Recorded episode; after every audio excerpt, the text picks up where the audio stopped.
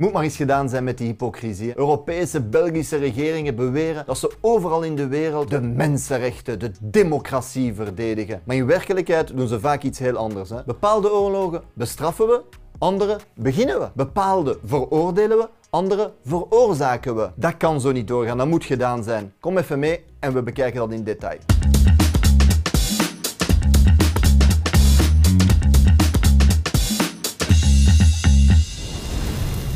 Hallo en welkom bij nu al de vierde aflevering van onze miniserie Pepper Talk, waar we een tegendraadse, gepeperde blik werpen op de internationale actualiteit. Ik ben nog steeds Mark Botenga, Europees parlementslid voor de PvdA, en vandaag gaan we kijken naar wat er schuilgaat achter de officiële speeches, het officiële discours van de Verenigde Staten en de Europese Unie. In het Europees Parlement, als de Europese Commissie langskomt, of Charles Michel, hè, want die zit nu ook in Europa, ja, dan, dan hebben ze altijd de mond vol van de Europese Unie, dat is democratie, mensenrechten in de wereld. Ja, dan heb ik toch even uh, gewezen op twee, drie tegenstellingen wat dat betreft. Hè. Wanneer Rusland Oekraïne aanvalt, grijpt Europa uiteraard in met sancties. Maar wanneer de Verenigde Staten Irak bombarderen, geen sancties. Wanneer Saoedi-Arabië Jemen bombardeert, geen sancties. Wanneer wij zelf, de Europese Unie, Libië compleet kapot geen sancties. En wanneer Israël Palestina koloniseert, geen sancties. Dat zijn twee maten, twee gewichten. Ja, konden ze niet mee lachen, de politici van traditionele partijen. Enfin, groen lachen misschien. Daarom heb ik er nog eens een laagje bovenop gedaan. Om toch nog wat peper toe te voegen, wat pikant toe te voegen aan het debat. Sinds dat ik Europees parlementslid ben, hebben we nog geen enkele resolutie gestemd om Israël te veroordelen. Niet één keer een resolutie voor sancties tegen Israël. Laten we kijken naar internationaal recht. Officieel, volgens de retoriek, verdedigen de Verenigde Staten en de Europese Unie het internationaal recht. Want op het moment dat Rusland illegaal Oekraïne binnenvalt, tja, dan reageren de Verenigde Staten en de Europese Unie met sancties, met veroordelingen enzovoort. Maar in Palestina bezet en koloniseert Israël al decennia illegaal en in volledige schending van het internationaal recht. Geen reactie, geen sancties. De Verenigde Naties hebben dat al tientallen keren veroordeeld, maar de Europese Unie die reageert niet. Heel veel NGO's, zowel Palestijnse, maar zelfs Amnesty International, spreken nu zelfs over een apartheidsregime in Israël. En wat doet de Europese Unie? De leiders van de Europese Unie die gaan naar Israël en die spreken daar over gemeenschappelijke waarden. Het is een geprivilegeerde partner van de Europese Unie, Israël, met een speciaal akkoord. En voelt u de twee maten, twee gewichten? Dus u ziet, die grote principes, internationaal recht, ja, die gelden duidelijk niet voor iedereen op dezelfde manier. Hè? En dat geldt zelfs voor oorlogsmisdaden. Dus vandaag zien we die verschrikkelijke beelden van oorlogsmisdaden in Oekraïne. En de Verenigde Staten en de Europese Unie zeggen wij zijn tegen oorlogsmisdaden en wij gaan ervoor zorgen dat Vladimir Poetin zich moet verantwoorden voor het internationaal gerechtshof. Oké, maar een paar jaar geleden, toen de Verenigde Staten Irak binnenvielen, daar werden ook oorlogsmisdaden begaan. Hè? En bijvoorbeeld de stad Fallujah. Fallujah, een stad die werd belegerd door de Amerikanen, waar ze wit fosfor hebben gebruikt. Hè? Mensen die verbrand werden. En je moet trouwens uh, eens op internet op zoek naar de, de documentaire Fallujah, The Hidden Massacre. Dat is echt de moeite waard. Dat komt echt aan. Hè?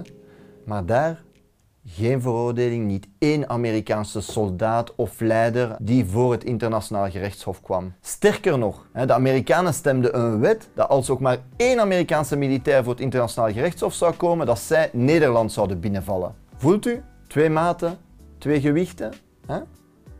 Of laten we naar Jemen kijken. In die verschrikkelijke oorlog hè, zijn sinds het begin van de oorlog al meer dan 10.000 kinderen onder de bommen gestorven. Maar geen enkele Europese of Amerikaanse leider die eraan denkt om de Saoedische koning daar naar Den Haag voor het internationaal gerechtshof te brengen.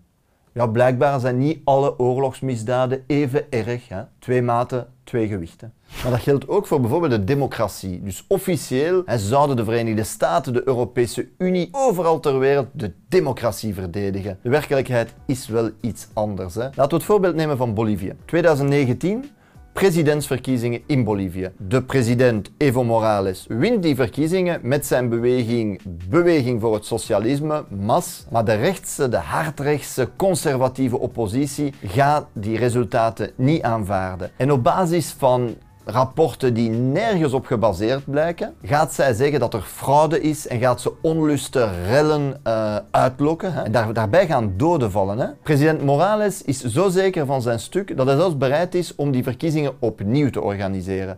Maar niks daarvan. De rechtse oppositie gaat hem dwingen het land te verlaten en Janine Agnès, een conservatieve senatrice, roept zichzelf uit tot presidenten van Bolivie. En wat gaat de Europese Unie doen? Ja, die bedekt dat eigenlijk met de mantel der liefde, die staatsgreep. Want dat is een staatsgreep, hè? Laten we daar wel even duidelijk over zijn. En als de Bolivianen er dan een jaar later in slagen om opnieuw verkiezingen uh, af te dwingen, die opnieuw gewonnen worden door links, door de progressieve beweging MAS, dan gaat de Europese Unie ook nog eens klagen. Ze gaat klagen dat die koepleegster daar, Janine Agnès, de gevangenis in moet. Lijkt me nogthans logisch. Hè? En ze gaat zeggen van ja, wie weet moeten wij in het Europees Parlement Janine Agnès wel de prijs voor de vrijheid geven. Dus u merkt ook hier twee maten, twee gewichten. Hè? Democratie duidelijk niet voor iedereen.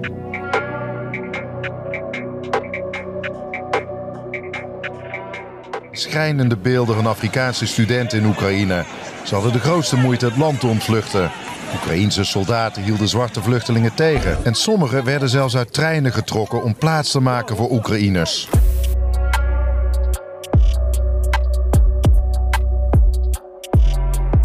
Of kijken we naar vluchtelingenbeleid. Op het moment dat heel veel Oekraïners de bommen uh, ontvluchten en naar Europa komen, ja, zegt de Europese Unie natuurlijk, jullie zijn welkom, we gaan gastvrij zijn, dat is onze verantwoordelijkheid. En dat is heel mooi.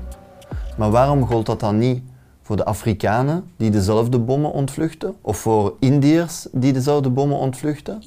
Er zijn Oekraïners die bevoorrecht zijn. En toch komen wij allemaal uit Oekraïne. We willen dezelfde rechten krijgen. We komen allemaal uit de oorlog. We hebben allemaal oorlog meegemaakt.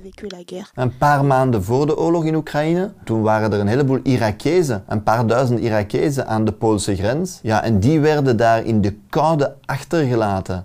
De vraag die we ons moeten stellen is natuurlijk waarom die twee maten, twee gewichten. Waarom uh, worden bepaalde oorlogen, bepaalde staatsgrepen, bepaalde oorlogsmisdaden heel zwaar veroordeeld en andere genegeerd of zelfs aangemoedigd? Wat zit daar eigenlijk echt achter. En laten we daarvoor een concreet voorbeeld nemen. Het meest bekende voorbeeld is dat natuurlijk van de oorlog in Irak. De Verenigde Staten vallen dat land binnen met een aantal Europese bondgenoten, bombarderen, vernietigen Irak. Er worden oorlogsmisdrijven begaan, maar er komt geen reactie op.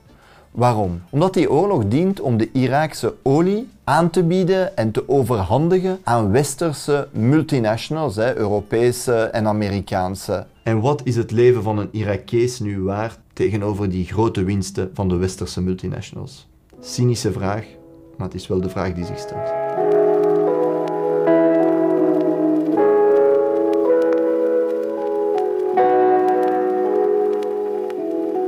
Of laten we even teruggaan naar Bolivia, daar hadden we het net over. Wat zat er eigenlijk achter, niet alleen de staatsgreep, maar ook de reactie, of eigenlijk het gebrek aan reactie vanwege de Europese Unie en de Verenigde Staten? Dat ging natuurlijk over de politiek, het beleid van die progressieve regering van Evo Morales. Hè. Die wou dat de natuurlijke rijkdom en grondstoffen van Bolivie in de eerste plaats ten goede zouden komen aan de Boliviaanse werkende klasse, aan het Boliviaanse volk. Dat wil zeggen dat hij zijn natuurlijke grondstoffen wat duurder wil verkopen misschien, of dat hij bepaalde praktijken van de westerse multinationals niet meer ging aanvaarden, of uh, dat hij andere akkoorden zou heronderhandelen. Hè. Maar in elk geval dat hij wat kritischer zou staan tegenover de uitverkoop en de plundering van zijn land. Ja, en als je dan een, een rechts- of extreemrechtse staatsgreep hebt en die veel opener staat uh, tegenover de plundering van de natuurlijke rijkdommen van Bolivie, dan is dat interessant voor het Westen. Te meer Bolivie heel grote hoeveelheden en reserves lithium heeft. Lithium dat is heel belangrijk voor de fabricatie, de productie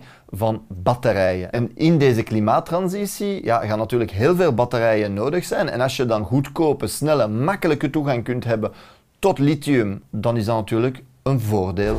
Naast gas, tin, zilver en zink heeft Bolivie in de enorme zoutvlaktes ook de grootste lithiumreserves ter wereld. Dit licht metaal dient onder andere als grondstof voor herlaadbare batterijen. Als de elektrische auto's de wereld veroveren, zou lithium de brandstof van de toekomst kunnen zijn. En een kans voor Bolivie om de bevolking uit de extreme armoede te trekken. En daarom gaan westerse regeringen zo'n staatsgreep niet alleen door de vingers zien, maar misschien zelfs aanmoedigen om de natuurlijke grondstoffen en rijkdommen van Bolivie makkelijker te kunnen plunderen en hun multinationals makkelijk toegang te kunnen geven tot wat eigenlijk toebehoort aan het Boliviaanse volk. Of laten we even kijken wat er in Libië gebeurd is. Frankrijk, de Verenigde Staten, een aantal NAVO-landen vallen dat land aan en verjagen de leider Gaddafi. Officieel gaat het om democratie, mensenrechten, levenspraktijk zit er iets achter. En wat is dat? Dat ontdekken we dankzij Wikileaks, dus een aantal officiële, uh, geheime documenten, met name van de Amerikaanse diplomatie, ook mails eh, van Hillary Clinton, die op dat moment minister van Buitenlandse Zaken is in de Verenigde Staten. En die gaan tonen dat er eigenlijk eerst en vooral economische belangen zitten achter die oorlog. En met name uh, de Franse geheime dienst, die is op dat moment op het terrein in Libië bezig met de rebellen te helpen. Maar zeggen ze, in ruil voor onze steun moeten jullie ons beloven dat als jullie aan de macht komen, wij tenminste 35% van de Libische olieproductie krijgen. Maar dat is niet het enige. Wat we ook leren uit die geheime documenten, is dat Frankrijk bijzonder bezorgd was dat Gaddafi met zijn grote goudvoorraden eventueel een Afrikaanse munt op poten zou kunnen zetten. Een beetje zoals de euro, maar dan in Afrika de Afrika. En de Fransen waren daar bang voor. Waarom? Omdat zij zogenaamd het Frans-Afrique, dus de Franse koloniale, neocoloniale dominantie over met name West-Afrika, zo zouden verliezen. Dus in naam van het neocolonialisme, in naam van, van ja, weer olie en economische, geopolitieke belangen, wordt een land in alle straffeloosheid gewoon kapot pot gemaakt. Voilà, dus achter de, de holle retoriek, de mooie zinnen van onze regering, gaat eigenlijk een heel andere realiteit schuilen. Een beetje zoals bij ons in binnenland. Als de regering zegt van ja, wij verdedigen de koopkracht van de werkende klasse, maar in werkelijkheid zien we dat ze de lonen blokkeren. Of de Europese Unie die zegt wij zijn er voor de mensen, maar tezelfde tijd sociale dumping organiseert. En bij op internationaal vlak, buitenlands beleid, is dan een beetje hetzelfde. Ze beweren op te komen voor democratie en mensenrechten, maar in werkelijkheid gaat het om iets heel anders. En dat heeft ook gevolgen, want landen, andere landen, landen in het zuiden, zien dat ook. Hè. Die zien die twee maten, twee gewicht. Die zien dat de Europese Unie en de Verenigde Staten nog, nog, nog sterker opkomen alleen voor hun multinationals. En daardoor ja, zijn wij steeds minder graag gezien in de rest van de wereld. Hè? En creëren we eigenlijk een wereld van permanent conflict, van blokvorming, van wantrouwen. Daar moeten we echt mee breken. Wij moeten ervoor zorgen dat we andere principes naar voren schuiven, zoals solidariteit, eerlijk, te goeder trouw samenwerken. In het respect, net zoals onze regering in België en de Europese Commissie moet leren hier de werkende klasse te respecteren, zo moeten zij ook leren de werkende klasse en de soevereiniteit van landen buiten Europa in de rest van de wereld te respecteren. Voilà, we hebben weer samen heel wat uh, weg afgelegd eigenlijk hè, in deze vierde aflevering van Pepper Talk. Uh, ik vond het in elk geval heel prettig en ik hoop dat jullie er ook wat van hebben opgestoken. Misschien hebben jullie wel opmerkingen, uh, vragen, kritieken, bepaalde dingen, bepaalde onderwerpen, thema's die jullie graag in een andere aflevering zien. Dan moet je dat zeker opsturen. Vergeet ook niet je te abonneren, hè, dan mis je de volgende afleveringen zeker niet. En deel deze aflevering ook ook. Bekijk hem samen met vrienden, kennissen, familie en vraag wat zij ervan vinden. Wij zijn er binnenkort terug en ik wil je nog eens bedanken om dit samen met, met mij te hebben kunnen waarmaken en beleven. En ik kijk er in elk geval weer naar uit voor de volgende aflevering. Tot snel. Deze podcast is een productie van The Left Europe.